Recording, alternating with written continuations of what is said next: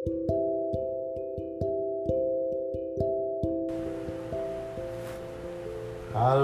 Halo, halo. Hai. Maaf, ada suara kipas tadi. Kembali lagi di Cool Kids Club. Cool Kids Club. Episode keberapa? Udah banyakan stok sih, pokoknya udah rekam aja lah, pokoknya benar. Cuman eh, kita mau minta maaf sebelumnya. Kami, kami Hmm. mau minta maaf sebelumnya karena untuk yang episode kali ini nggak pak nggak ada video YouTube-nya ya. Iya benar. Eh, Karena apa? karena Rahasia. rahasia. Rahasia, gue rahasia apa? Oke. Oke, mau kita mau bahas apa nih, Mike? Kalau gue mau bahas tentang apa ya? Sebenarnya, sebenarnya kalau kalau gue bahas tentang kan sekarang semua orang merasa dia harus diikuti sama dunia sih. Hmm. Padahal seperti itukah seharusnya kalau menurut lu kan? Kayaknya semua orang, eh gue ini loh, lu harus terima gue dong. Nah, kalau menurut lu ya? Iya. Nah jadi gini nih lucunya. Sebenarnya biasanya Cool Kids Club itu kalau meeting uh, Mike bawa materinya, gue bawa Iya, materinya. betul, betul. Nah somehow entah kenapa kali ini Topiknya sama. topiknya sama nih Iya. Sarah, jadi kita jadi satu. Hmm. Nah kalau menurut gue masih sama kayak yang Mike bilang. Lu uh, selama ini tuh orang tuh punya mindset di mana uh, lu tuh fakta lah. Bu- mungkin bukan fakta ya, kayak porsi lu segini nih Hmm. saat ini nih ibarat kata lu masih kecil lu nggak bisa apa-apa gitu kan terus lu juga masih figure out gitu dan terkadang kan eh, lu pasti kayak kok harusnya eh, kenapa orang-orang tuh nggak mikirin gue sih kayak contoh eh, lu cum lu cuman bisa lulusan SMA misalkan Hmm. terus lu kayak mengeluh gitu kayak oh kenapa sih perusahaan-perusahaan kok nekaninnya pendidikan banget S1 segala macem nah kalau menurut gua mindset itu salah karena lu jangan berharap dunia bakalan mikirin lu Iya benar. no one cares man Karena mungkin mungkin sebenarnya itu kan salah pasti akan selalu jadi topik yang seru ya sama teman-teman lu ya. iya Kayak iya emang anjing nih sekarang nih perusahaan, emang Hmm. payah nih perusahaan. Padahal itu nggak ngerubah apa-apa juga sih. jangan rubah apa-apa juga dan kan lu apa ya setiap keputusan lu itu eh, kehidupan lu lah kehidupan lu itu tuh yang nentuin lu gitu Hmm. oke lah kita boleh berdoa gitu kan apa segala macam itu kan faktor ak- akhirnya jadi faktor eksternal tuh Iya. faktor yang nggak bisa kita kontrol tapi dari diri kita sendiri tuh mau nggak gitu kayak contoh misalkan lo itu seorang pebisnis gitu ya kan lo mau bisnis yang eco friendly lah. Produk yang go green. Iya. habis segala macam di Indonesia katakanlah. Terus lo mengeluh kenapa kok malah nggak laku ya? Padahal ini tuh bagus buat lingkungan bagus buat apa namanya biar nggak apa hewan lain selain manusia tuh masih bisa tetap hidup Iya. gitu kan ya. Tapi lu lihat lagi dunia mikirin lu nggak? Itu benar. konsumen mikirin lu nggak kalau kalau ternyata konsumennya ah gue maunya harganya yang murah ternyata yang eh, bahan berbahaya yang biasa dijual gitu kan Lebih di murah. supermarket lebih murah Mau ngomong apa? iya mau ngomong apa Iya kan Iya nggak mungkin dong orang mikirin lu ah kasihan nih dia jualan Iya. bagus dibeli itu mah temen ya Iya, kalau kayak gitu ya Temen-temen aja kadang-kadang kayak gitu ya.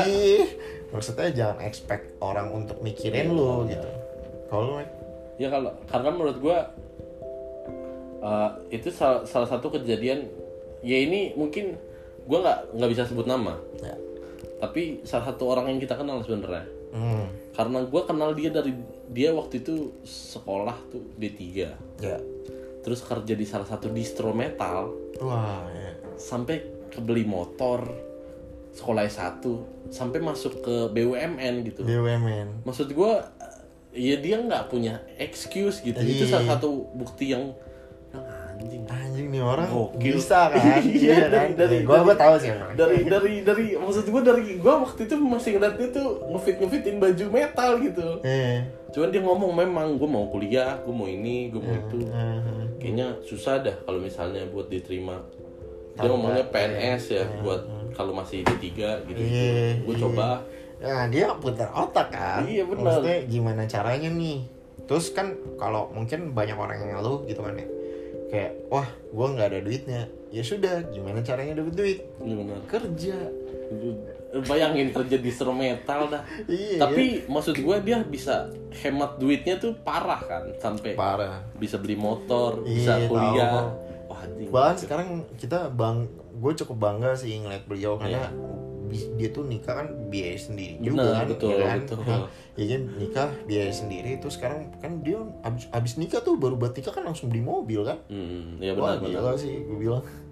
Itu tuh kayak itu salah satu yang gue salut sih dari circle kita. Bahwa kemampuan dia ya memang shit anjing hidup. Ibarat kata ya Iya. maaf maaf kata ya. Maaf kata. Gue lahir miskin nih. Nah. Tapi ya udah gimana Iya, gitu iya, kata. iya. ya Iya, sebenarnya juga ya contohnya ya kayak orang tua kita juga kan. iya betul Kayak orang tua lu merantau gitu kan. Akhirnya bisa settle lah di sini ya kan. hmm. Orang tua gue juga ya kan kan semua kayaknya orang generasi sebelum kita tuh malah lebih susah dari kita kan kondisi ekonominya kan. iya benar Tapi bisa sampai akhirnya punya kita gitu. Sekarang di sini gitu bisa hidup sampai ngehidupin kita sampai gede gitu loh. Itu kan berarti kan mereka muter otak. iya Iya kan? Bener. Tapi menurut lu ada nggak sih kesalahan salah satu faktor kesalahan dari orang tua yang lebih lembek sekarang? Soalnya kalau gue yang gue gue dengar cerita soal kayak gini sebenarnya. Dulu zaman dulu ketika lu ini salah satu dari stand up comedian dari Amerika sih. Dia ngomong zaman dulu Chappelle. bukan, siapa ya namanya ya? Gue lupa lagi. Nah, Oke. Eh, dia dia ngomong eh, kalau misalnya eh, gua pulang sekolah terus gue bilang sama nyokap gua mah guru gua marahin gua kayaknya guru gua nggak suka dah sama gua Hmm. terus biasanya orang-orang tua zaman dulu bilang I don't know you figure it out gitu Iya. ya nggak tahu Yang ada juga dia yang dipukulin iya sama orang ibarat tua. kata, nantinya lu hidup banyak orang yang nggak suka sama lu Eh, ya figure it out figure it out. Nah kalau sekarang kan ya lu lihat lah di berita. Orang tua sama anaknya bacok gurunya. Hmm. kayak mah pak aku habis dimarahin guruku. Lah kita marahin balik lah. Nggak mungkin anak gua salah.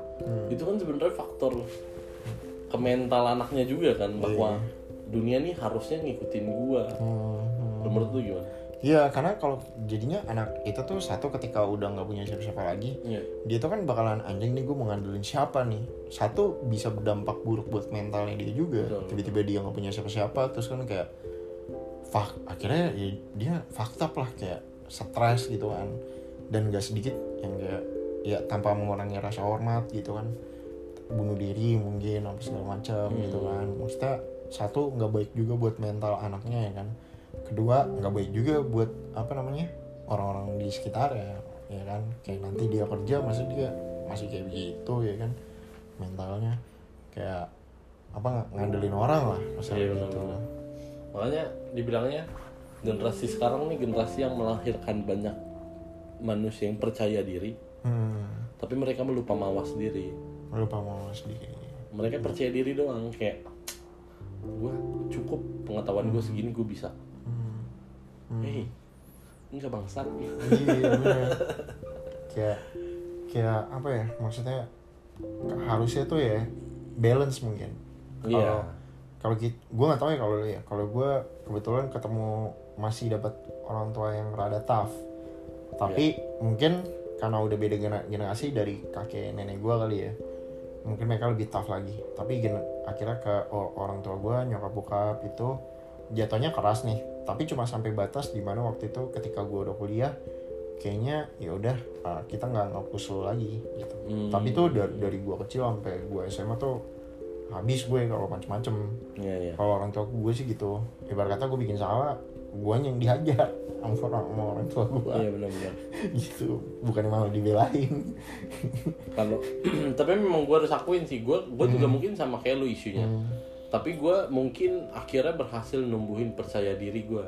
hmm. Kan memang kan eh, tough itu kan kadang-kadang orang tua tough kan ngebawa lu ke arah di mana lu jadi takut salah. jadi tak salah Kadang-kadang kan jadi ketika lu ketakutan lu lebih besar daripada kepercayaan diri lu akhirnya lu ngelakuin sesuatu pelan, hmm. berhati-hati. Hmm. Nah itu mungkin menurut gue akhirnya gue belajar oh gue gak bisa nih takut salah. Hmm. Udah ya udah biarin aja lah jalan aja. Hmm. Hmm. Kalau itu yang gue yang gue belajar sih. Hmm. menurut gue sampai sampai umur sekarang. Cuman nggak tahu nih kalau misalnya anak-anak jam sekarang karena kan mostly udah percaya diri ya. Iya. Banget. Banget kan. Apa pun di share aja. Pede banget. Iya, males. Kayak ya gitu kan maksud gue kayak gue ada lah gue nge-follow orang gitu kan. Tapi uh, gue liat postingannya kayak anjing apaan sih? Kayak nangis di upload terus kayak habis itu kayak pokoknya tuh kayak ada filter men. Jadi yang muncul di kepala dia langsung diposting gitu loh. Bahkan sampai menurut gue kayak kayaknya itu hal pribadi deh kayak kayak, kayak nangis. Terus eh maafin ya teman-teman gue tadi ngepost nangis gue nggak tahu kenapa gini gini kayak what the fuck? Gitu. Kayak harus ya di posting itu Gen tapi mungkin maksud gue awkarin juga salah satunya meledaknya karena itu kan? Iya. Ketika hal mereka ngorbanin hal pribadi. pribadi mereka ditukar dengan fame itu kan? Hmm, hmm. Iya. tapi kayak, kayaknya Awkarin kan generasi di bawah kita. Oh iya. Generasi kita tuh masih ada ada beberapa orang yang sinting juga. Pasti ada lah tiap tapi, generasi iya. ya. tapi menurut gue generasi kita tuh lebih hold back gitu loh. Kalau menurut gue ya. Nah iya benar kayak di sosmed gitu gitu lebih agak hold hold back hold back dikit gitu. Mungkin karena kan generasi ada ke atasnya juga kan. Hmm, karena Iya. ada panutannya ya. Mm-mm. karena makanya kan kadang-kadang kayak gue bersyukur sih maksudnya ketemu sama lo Mike karena kan lo yang ngajarin kayaknya sosmed nggak terlalu penting gitu loh. Nah, sekarang tuh gue malah kayak eh, kalaupun gue harus posting apa nih meaningnya nih? Iya betul. Satu itu. Kedua benefitnya buat gue apa kalau gue sekarang mikirnya sosmed. Kalau misalkan gue post ke LinkedIn benefitnya adalah perusahaan-perusahaan ngeliat nih hasil kerja gue ya kan? Hmm, iya. Tapi kalau kayak di IG gue lagi makan gue foto gue lagi apa gue foto terus gue upload kayak apa ya? Kayaknya orang juga nggak peduli juga sih. Iya. Iya kan? Terus kayak untungnya apa di gue? Gitu gue mikirnya gitu. Tapi juga karena sibuk juga gitu. Jadi kayak iya ngapa ketimbang gua ngupload ngupload ya kan ya. Mending gua ngapain ya kan? Karena karena benar sih kata kata lu. Karena dulu gue waktu pertama kali Hmm. make nggak make sosmed keluar dari sosmed gitu yang kayak nggak nih nggak benar. Hmm. terus lama-lama ke sini kagak emang gue nggak ada waktu aja sih. Emang gak ada waktu kayak buat mikirin itunya kan. Nah itu hal itu lebih balik lagi menjadi menjadi apa namanya balik lagi tuh ke topik pembahasan kita. Karena or, karena ada sosial media nih. Iya. Anak-anak yang baru-baru gede gitu kan. Akhirnya jadi ngelihat orang gitu loh. Misalkan ah, wah si ini kok nikah bisa ya gede kayak gitu dibayarin orang tuanya gitu kan ya. Hmm. padahal gue tahu kerjanya biasa aja gitu kan. Itu kan gara-gara gara-gara sosmed tuh. Iya. Jadinya lu malah nyalahin keadaan. Iya kan Nah, iya kan? Kenapa kok gue kayak gini ya? Nah itu itu itu itu juga gue lagi belajar juga untuk ngilangin gitu. Apa mindset gitu namanya? Itu ada istilahnya. Oh iya. Iya jadi lu tuh berpu- mikir dunia tuh berpusat pada diri lu. Hmm. padahal is not about you bener Iya, kata lu kan waktu Iya, itu bener. kan?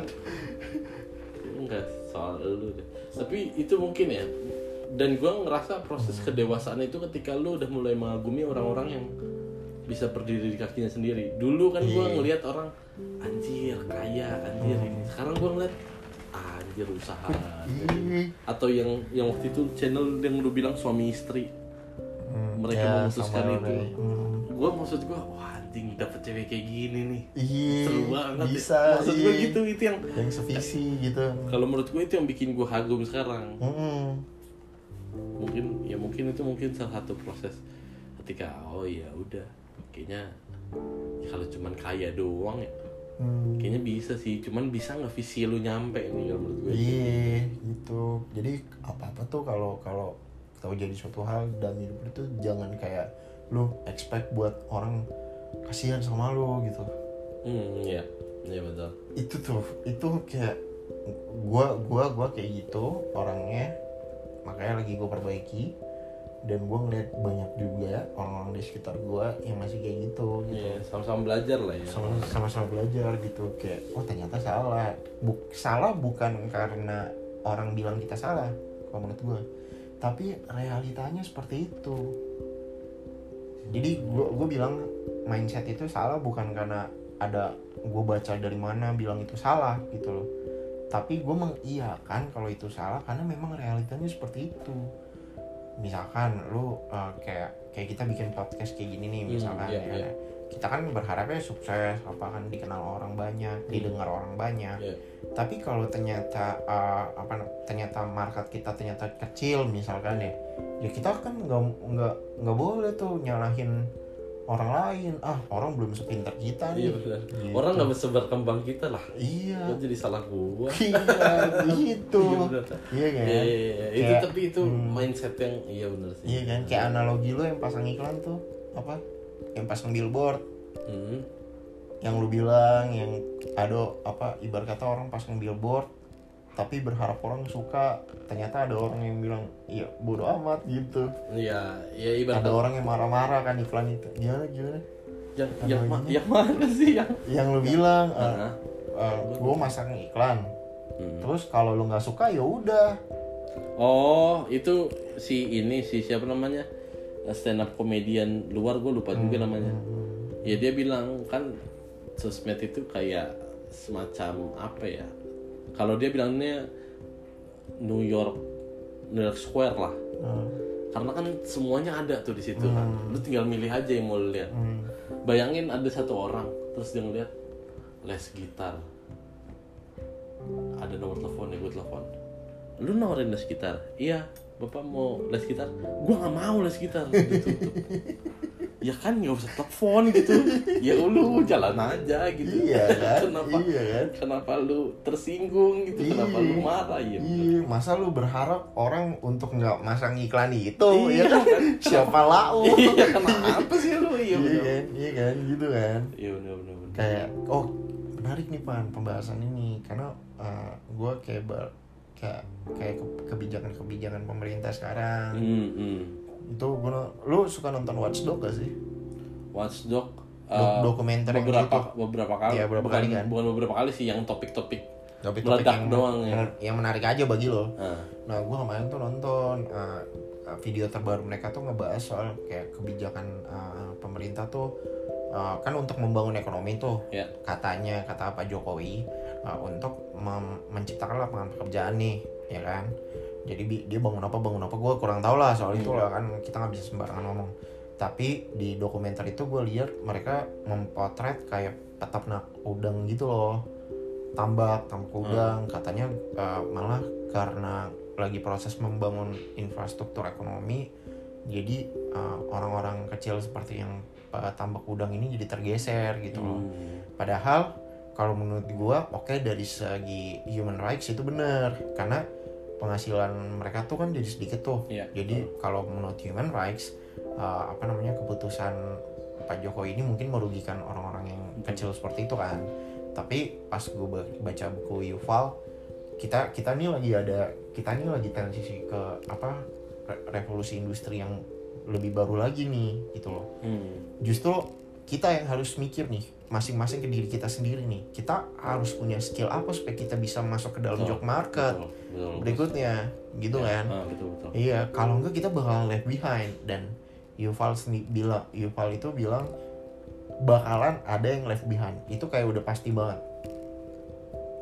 Hmm. yang bakalan kayak lu nggak punya skill terus kayak ya udah job market yang nggak ada. Buat orang yang nggak punya skill otomatis kan lu harus belajar lagi kan Iya.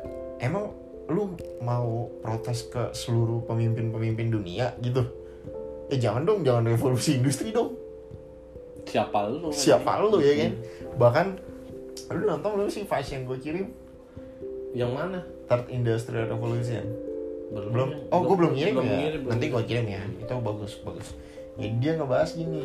Sekarang tuh anak-anak Gen Z tuh ya ah mereka tuh sangat concern dengan lingkungan Iya. Nah, anak itu anak-anak Gen Z.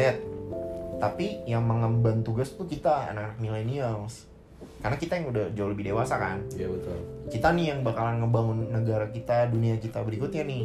Di pundak kita nih sekarang nih. Hmm. Ya kan kalau nggak terlihat tertekan sih, Bang. kan gua gua langsung ingat omongan lu yang generasi Gen Z yang Greta ya Greta Thunberg yang yang sangat into Iya, dengan iya, global warming iya, gitu. Iya, iya. gitu. Nah kan anak itu kan anak-anak masih kecil masih harus belajar kan? Iya, nah betul. tugas tugas kita tuh kita yang ngasih jalan nih sekarang nih mereka. struktur ya. Hmm. nah jadi tat, uh, revolu- apa industrial revolution itu bilang kalau misalkan uh, fossil fuels itu bakalan ditinggalin. Jadi kayak minyak bukan bakalan lagi proses ditinggalin. Mungkin salah satu yang gerakan yang Elon Musk lakukan juga iya kali ya. nah tap nah pebisnis pusing dong pebisnis pebisnis minyak kan Iya. ya kan tapi mereka bukannya malah kayak nyalahin iya lu harusnya pakai minyak lah gitu Hmm. enggak malah justru nih lagi diadakan kerjasama antara eh, para pemikir lah orang-orang yang jauh lebih pintar dari kita lah iya benar benar sama pihak eh, pemimpin-pemimpin perusahaan besar nih minyak apa Hmm. apa segala macam lagi diskusi gimana kalau kita bikin bisnis model tuh yang ramah lingkungan tuh tapi beneran ramah lingkungan. Jadi eh, profit lo nih duit lo lo investkan ke eh, lokal bisnis nih. Lokal lokal bisnis yang lagi bikin so- solar panel yang lagi, lagi bikin inilah energi energi yang apa selain selain fossil fuels lah. Nah, Nah, lu invest ke kita gitu kan ya. Eh, per mikro lah, kecil-kecil gitu kan. hmm. Nah, nanti duitnya balik lagi ke lu gitu. Jadi supaya lu juga nggak mati gitu. oh dia lagi transisi Transisi Oh. sekarang sekarang ini. Nah, tapi nih ya, itu berarti kan untuk beralih ke energi yang selain fossil fuels, kita kan harus ngebangun infrastruktur baru dong. iya betul Iya kan? iya betul betul Maka dibutuhkan skill baru. Hmm. di situ kita kita berpikir gimana makanya yang gue bilang some of people will be left behind. Kalau mereka nggak mau belajar lagi. Iya betul. Ya karena karena kalau dibilang ya itu sih kadang-kadang ya gue gua mungkin memang memang terkenal bukan terkenal sih terdengar jahat cuman memang lu nggak bisa gantungin nasib lu di pemerintah gitu. Iya kayak ya udah gitu. Oke kebijakan pemerintah sekarang apa? Oke anjing. Tapi ya kalau kata orang apa address elephant in the room ya kalau salah. Iya. Ya lu cari dulu apa case-nya apa isunya apa. Apa? Iya, makanya, makanya kalau kalau menurut gua iya sih beberapa orang memang pasti menolak. bakalan ada yang menolak. Iya. iya kan? Sampai bikin dokumenter kayak gitu kan maksudnya mempotret mempotretnya itu orang-orang yang dipersulit Iya betul betul. tapi dia lupa kalau human beings ini lagi evolve Hmm. nah itu jadi gue menonton ini kan eh, ibarat kata nggak tahu ya propaganda kalau dalam by definition ya Iya. propaganda dong untuk mengkritik pemerintah oke gue tonton gue tonton sampai habis gue juga terbuka pikiran gue tapi menurut gue lu juga harus dari sisi Pak Jokowi Iya betul. bukan karena gue mendukung ya Hmm. gue juga nggak begitu begitu banget sama bapak presiden Iya Iya. Pak Jokowi kadang baik kadang itulah Iya. pokoknya. tapi kita juga harus mikir nih ke dia gitu loh ini maksud dia apa nih Iya betul. iya kan Betul. Soalnya Gitu. yang yang paling sering terjadi tuh kadang-kadang telan mentah bulat-bulatnya itu isunya kan. isunya kadang-kadang sebenarnya selalu lu harus selalu lihat bigger picture-nya sih. Iya. Bener-bener. Bener kayak contoh lah vaksin. Oh semua orang harus vaksin gitu. Terus lu marah-marah gitu loh. Kenapa orang harus vaksin sih? Kan menurut agama ada mungkin beberapa ya kan? Hmm. cuma nggak masalah ya kan? Kita nggak masalah kan soal itu. Kenapa harus vaksin sih? Gue lihat tuh apa ada video TikTok marah-marah. Emang vaksin buat apa? Gitu gitu loh. Lu kena ke- kenapa per- pemerintah melakukan itu? Karena dia itu juga mikirin orang banyak. Iya bener jadi bukan lau bukan tentang lau gitu loh. Iya kan? Oke lu nggak mau divaksin oke. Tapi lu jalan ke mana-mana ya kan?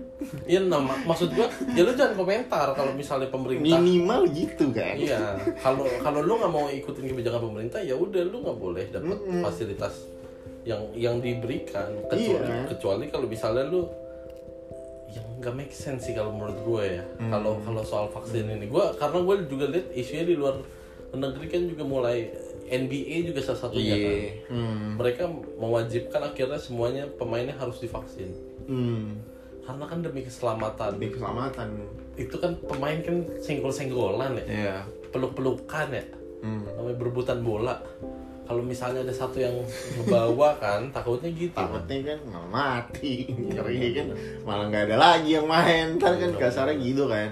Ya maksud gue play along lah dengan orang lain gitu loh. Kita yang ikut, ibarat kata kan kita kita lawan orang banyak nih, Hmm. lawan sesuatu yang lebih besar dari kita.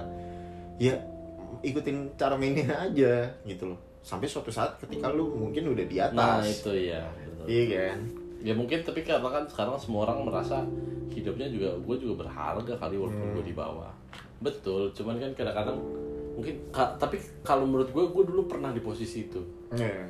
Pernah di posisi gue kontrak sama apa yang apa yang dunia tawarkan Hmm. ibarat kata. Hmm. Tapi sebenarnya nah misalnya contohnya gue sosmed. Semua orang pakai sosmed. Semua orang pakai sosmed. Gue gak pakai sosmed. Ya. Gue ngelamar kerja ditanya sosmed gue gue bilang gak ada gue ditolak Ya. gue nyalahin perusahaannya enggak Enggak. karena itu iya. konsekuensi gue Konsekuensi lu sendiri karena kan. gue ambil jalan itu Iya. ya udah fine Fine. Hmm. Gua- dan gue nggak ada masalah sih maksud gue walaupun ya nyesek nyesek juga sih kayak Hmm, gedek oh juga. anjing kata gue cuman ya udah abis itu setelah itu gue gue nggak ada nggak ada masalah sama perusahaannya Heeh.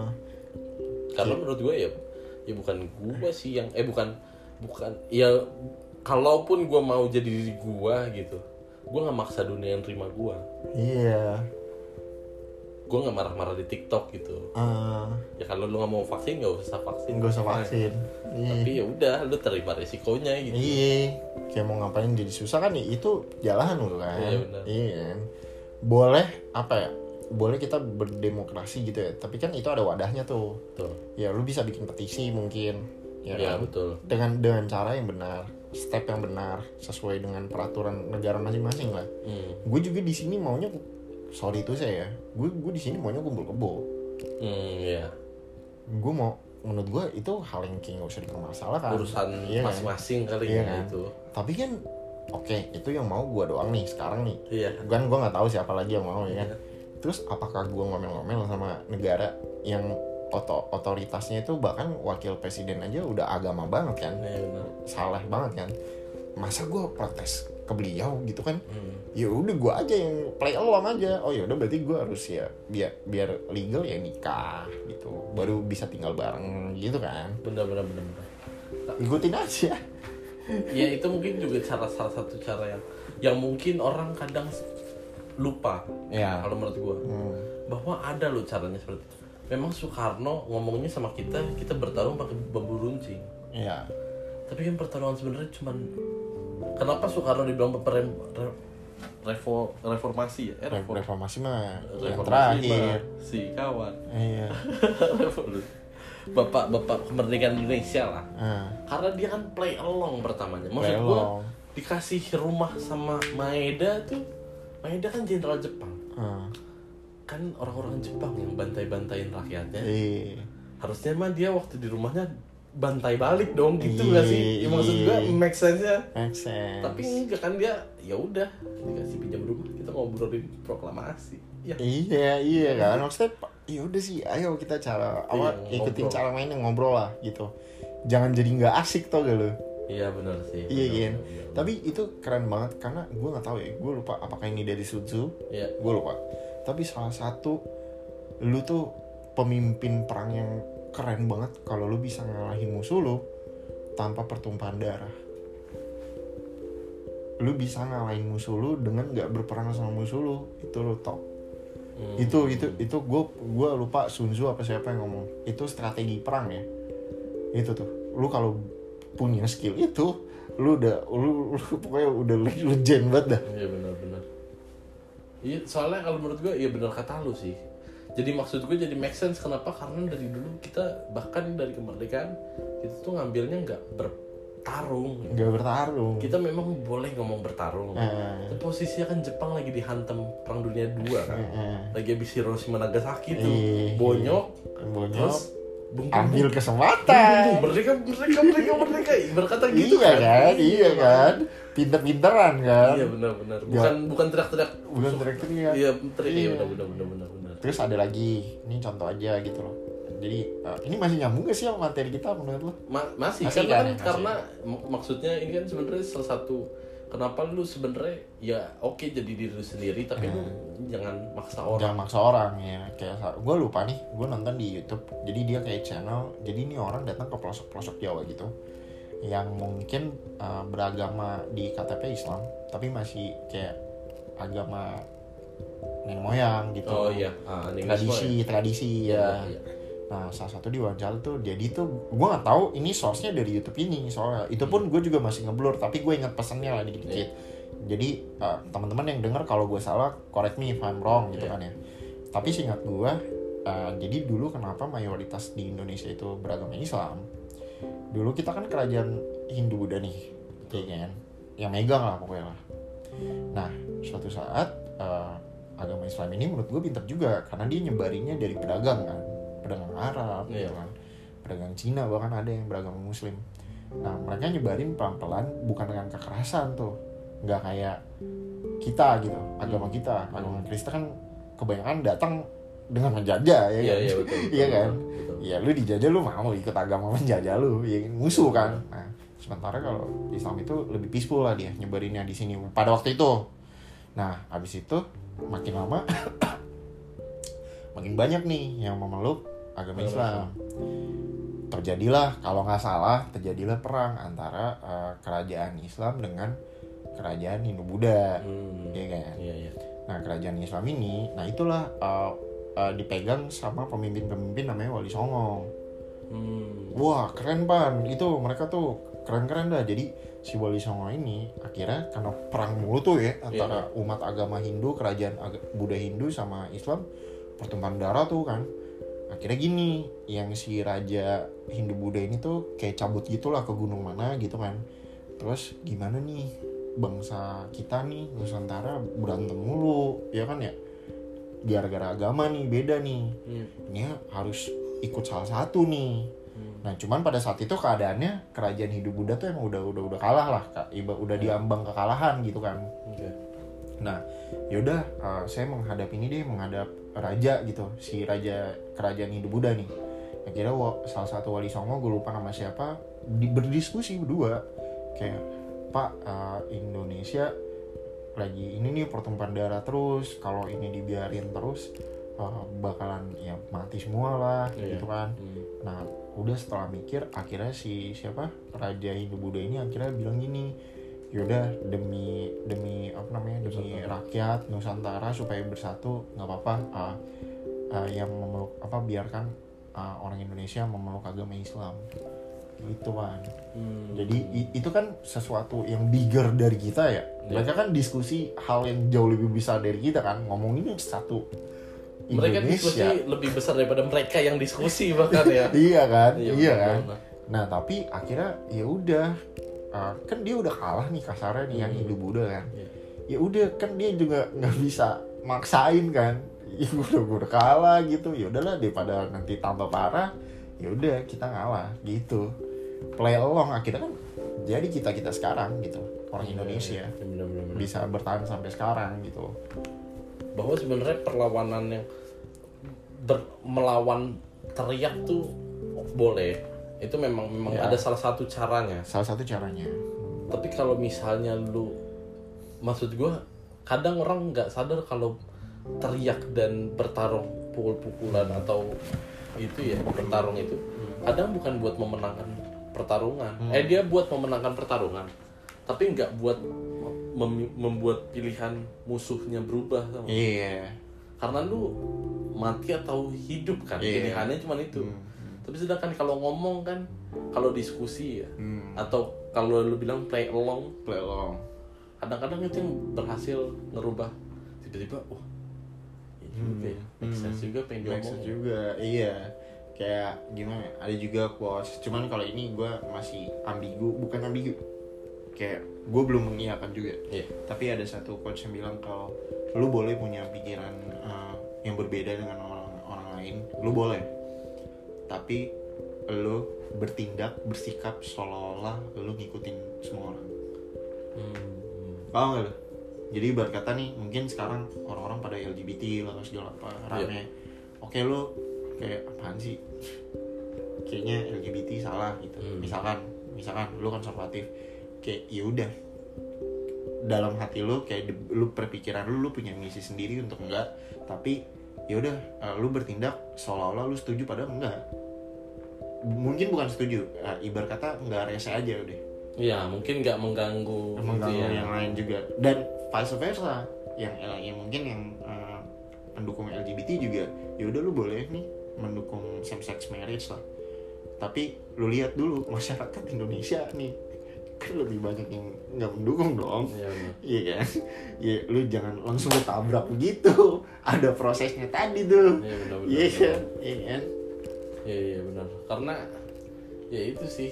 Memang memang kalau menurut gua tabrak-tabrak itu iya menghasilkan Hmm. pemenang tapi bukan menghasilkan perdamaian apa ya mencapai visi yang sama. iya visi yang sama. Soalnya gue bener-bener ngeliat emang namanya Bung Karno kali. Hmm. terbahai kata gue. Maksud gue dia Keren sih. meeting meeting itu di rumah Laksamana Jepang ini kata gue. nih uh, since you mentioned that gue inget tuh uh, Mata Nacho pernah nyebut soal Bung Karno Ah, jadi kan dulu uh, perang dingin kan ah. jadi Amerika kagak doyan sama orang komunis dan Ya, sebaliknya oh iya iya iya. Iya. Nah, terus nah terus Bung Karno aduh gimana ya gue bodoh amat lagi. Maksudnya gue kagak karena dia butuh dua-duanya kan iya sebenarnya. iya. iya. gue gue juga temenan sama Amerika gue Iya, juga betul. temenan sama Rusia ya kan? Akhirnya nih sampai kata kata mata Najwa kalau nggak salah dia tuh kenapa gue sampai sekarang salut sama Bung Karno? Karena ini nih cerita ini. Jadi dia tuh bisa yang namanya oke dari Rusia dia temenan tuh sama sama Rusia. Oke oke gini gini gini gini gini Uh, lu uh, boleh membangun pusat research uh, nuklir di sini. Itu kalau nggak salah di Bandung. Iya. lu boleh buka pusat research apa di mana. Lu boleh lu boleh kerjasama sama kita lu bangun infrastruktur. Ya ini tapi sama Ama- Amerika juga. Amerika juga. Oh oke lu mau bangun pangkalan di sini buat nyerang uh, kalau nggak salah Jepang. Nggak apa-apa nggak masalah. Lu bangun di sini. Tapi gua nggak ikutan kalian berdua ribut ya. Kasarnya gitu. Hmm. akhirnya bener kita kita kita di tengah jadi kita dapat untung dari Rusia tapi juga dapat untung dari Amerika tuh. apa makanya Itu tuh. muncul gerakan non blok ya dibilangnya Iya, ya. itu tuh kata mata Nacho itu kekuatan apa ya negosiasi Bung Karno itu yang sam- sam- sampai sekarang saya bingung itu orang dapat dari mana skill kayak gitu.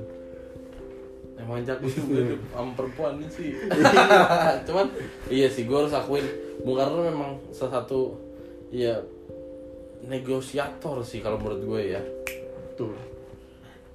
karena dia bisa negosiasi apa aja gitu maksud Iya. gua Amrik sama sampai sekarang aja belum selesai itu anjing Rusia sama Amrik tuh masih Iya. masih Masih ribut kan? ya masih ya masih diem dieman lah Iya, gitu. diem dieman. nah, itu makanya eh, ya udah kan ya kan pilihannya kalau lu milih Amerika lu dihajar Rusia ya kan ya. Kalau milih Rusia lu diajar diajar Amerika ya kan? Sementara lu negara baru merdeka kasarnya gitu kan. Mas- belum belum bisa nih kalau bonyok sekarang nih gue nih. Iya kan? Iya, benar. iya kan? Nah itu dia nggak bisa protes gitu. Wah gue juga mau ikut perang nih gitu. Gue bayangin lagi. Dia gitu ngapa sih? Iya kan? Dia nggak nu- nggak nuntut Amerika pikirin dong kita kan negara miskin masa lu gitu? Kan dia kan nggak kayak gitu. Iya benar. Iya kan oh yaudah ya ini ngobrol lah ngerokok deh ngerokok kan Iya, tuh. iya. Kan ngopi lah ya kan sama petinggi-petinggi negara lain kan. Gitu. Paling di Rusia ngeliat ada Amerika oh, kok gitu? Paling gitu ya tapi udah kejadian semua ya. Ya udah jadi ya semua ya. lagi ya ya maaf lah. gitu. Iya. karena Indonesia kenapa bisa itu terjadi pan? Indonesia tuh ibarat kata strategis banget coy. Segi perdagangan segi jalur pokoknya Indonesia tuh makanya tuh ada sebenarnya ada kekuatan tapi bukan kekuatan militer Iya, benar. geografis emang kekuatan yang diberikan Tuhan aja ya iya Iya Tuhan nih, nih Indonesia lu kuat lah pokoknya. Iya. Apaan nggak tahu pokoknya kayaknya posisi lu kuat udah. iya gitu jadi ya nggak mikirin aduh kok negara kita susah gitu. Enggak dia enggak kayak kita gitu. masih lebih beruntung daripada negara-negara Afrika iya gitu. iya kan? Mikirnya gitu dong. Ya benar-benar. Banyak anak anak sekarang ngeluh gitu ya. Sebel gue Ya, sebel gue kayak sepupu gue main curhat kan ya tapi sekarang semua harus berbahasa Inggris ya. Lu gimana ya ya ya, emang. Ya gitu. Kan ya kan lu kan lu tadinya kan lu warga negara Indonesia sekarang kan lu udah warga negara dunia ya. Iya. Selama lu belum Indonesia belum jadi salah satu yang terbaik ya kita harus ikutin ikutin bahasa Inggris. iya kan? Oh Cina aja yang nomor dua sekarang aja. Kadang-kadang masih play along ya kan? Iya benar. Kan dia nggak maksain pakai Mandarin lah gitu.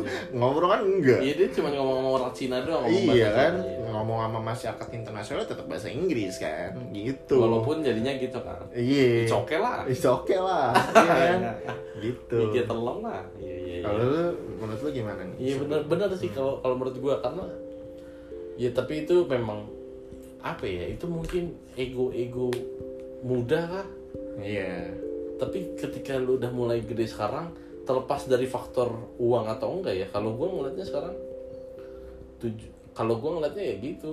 Goals lu tuh apa? Goals lu? Ya itu dulu. Apa lu mau mau menang bacot bacot ibarat kata ya kasarnya misalnya menang lu bacot. mau gitar gitar ini harganya 3000 tapi goals lu 3000 kalau gitu lu harus mau untuk ngobrol sama produsen-produsen gitar. Iya lu harus mau ngobrol sama mereka Iya. lu harus ya lu jangan teriak-teriak anjing mahal banget kita bangsa ngomel-ngomel iya ya. produsen gitar kayak apa sih? Apa sih? Musisi terkenal juga kagak. Iya benar-benar benar-benar itu. Kalau enggak lu bisa. Yang lu bilang ketika lu udah mulai di puncak ya. Boncap ketika lu udah punya ini sendiri Power lu bikin lah. brand sendiri Iya. harganya sekarang 3000 ribu. Iya. mau rusakin pasar. Itu ya udah. Ya udah kan. Iya, benar-benar. maksudnya ya sementara lu nggak punya kekuatan cari dulu kekuatannya. Iya kan? Iya, kalau struggle kita berdua kan ya ini benernya ya Iya, iya, betul, struggle kita berdua kita kepengen passion kita jalan. Iya. cuman duit belum ada nih. Otomatis kerja dulu kerja anjir. dulu. Suka nggak suka ya kerja dulu. Suka udah. nggak suka iya jangan maksud gue tapi kan ada juga orang beberapa orang yang Hmm. gue harus akuin sih. Gue deket sama ya. kawan. Perempuan apa? Iya cuman dia bilang maksudnya gue pingin ngerjainin dulu nanti gue baru kerjain passion gue gue bilang sulit. Sulit itu. Itu juga salah tuh. Ya cuman kan kalau ngomong perempuan kan kadang-kadang kalau dibantah Iya. gitu kan langsung Iya. langsung tertutup. Makanya Iya. bilang, oh iya iya tapi cukup sulit sih.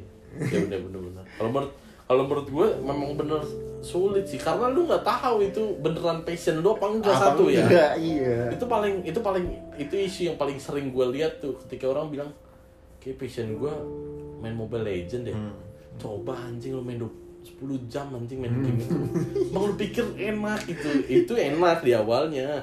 Iya. Cuman bodoh juga lama-lama Iya, ya kan? Kalau kagak istirahat juga kan. Iya bener-bener. Sama ini yang penulis yang lu suka tuh Charles Bukowski. Iya dia kan dia bilang uh, bahkan di batu nisannya bilang kan ya don't try. Coba lu bayangin orang di batu nisan tuh tulisannya ayat ya.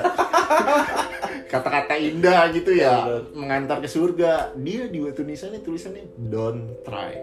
Tapi karena dia memang tipikal yang yang seperti itu Iya. ganti bukan tipikal yang kayak kita. Kita kan ya udah fuck Beda. gue berkorban waktu. Ya. Kalau dia kan bener-bener jadi penulis apa jadi pengantar pos. Abis itu berhenti coba jadi penulis. Ya gagal jadi pengantar pos lagi. Iya. berhenti lagi jadi penulis lagi. Iya. berhasil umur 60 iya. Memang sih berhasil. Cuman ya dia juga ngomong kan Iya. try dah. Don't try. Nah tapi itu ada juga uh, meaning meaningnya juga tuh di balik Oh, try itu selain yang itu. Tapi itu benar. Nah jadi meaningnya juga di don't try itu adalah passion lu itu kalau lu kayak cuman uh, nyoba sekali dua kali terus kayak ah kayaknya enggak deh gitu. Itu berarti bukan. Jadi jangan dicoba. Tapi kalau sesuatu yang lu bangun pagi nih terus lu misalkan lu kerja tuh Hmm. kerja itu tuh kayak lu nggak bisa keluar dari kepala lu. Gua harus nulis nih kayaknya ide ini bagus nih. Nah itu baru yang namanya passion lu. Yang Hmm. lu tuh kalau nggak nulis atau nggak main musik atau nggak ngelukis lu tuh gila gitu loh. Itu baru di titik itu. Makanya don't try. Iya. makanya gue gue pernah pernah. Tapi ini omongan dari siapa ya? Ya. bahwa dibilangnya passion itu adalah ketika lu mikirin itu waktu lu lagi sama orang yang lu sayang. Ya jadi lu mikirin. Kan ada kita harus akui beberapa orang makanya sebenarnya gue nggak sa- nggak bermasalah sama statementnya yang Panji yang work life balance. Karena dia owner perusahaannya ya. Work life balance tuh butuhnya buat pengusaha eh buat karyawannya karyawannya butuh work life balance. Ya. Tapi emang ownernya tuh pasti nggak bakal bisa mikir perusahaan gue gimana ya? Perusahaan gue gimana ya? Pasti kayak gitu kan. Iya. Mungkin kalau kalau kalau sesuatu kayak misalnya lu bikin musik terus lu lagi jalan sama cewek lu terus bilang wah anjing kayaknya mungkin itu salah satu salah satu mungkin salah satu tanda tandanya juga kan iya kalau itu emang passion lo kan. Iya, kayak lu gini kan maksudnya kerja juga terus capek tapi kayak lu tetap ngotot gitu loh. Iya ngotot. Iya kan? Iya, weekend kan iya sampai lu iya sampai gue agak worry gitu loh. Karena wajah si Mike ini kelihatan capek banget. Cuma kan lu di kepala lu kayak nggak bisa lu buang kan, Iya, passion lu betul, gitu kan. betul, karena betul. lu kepikiran kan Betul. anjing gue gue sebenarnya maunya ini nih Iya, gitu benar, kan. benar, iya benar. kan? Ya udah karena nggak bisa protes ya udah dua-duanya jalan. Iya kan? itu ya ya itu berkorban di waktunya paling. Iya berkorban waktu segala macam. Nah, paling itu aja paling itu aja kali Dari ya. kita. gila lu 45 menit ngomong. Lama juga anjir. Oke deh kalau kita ah, sampai jumpa di episode berikutnya. Oke dadah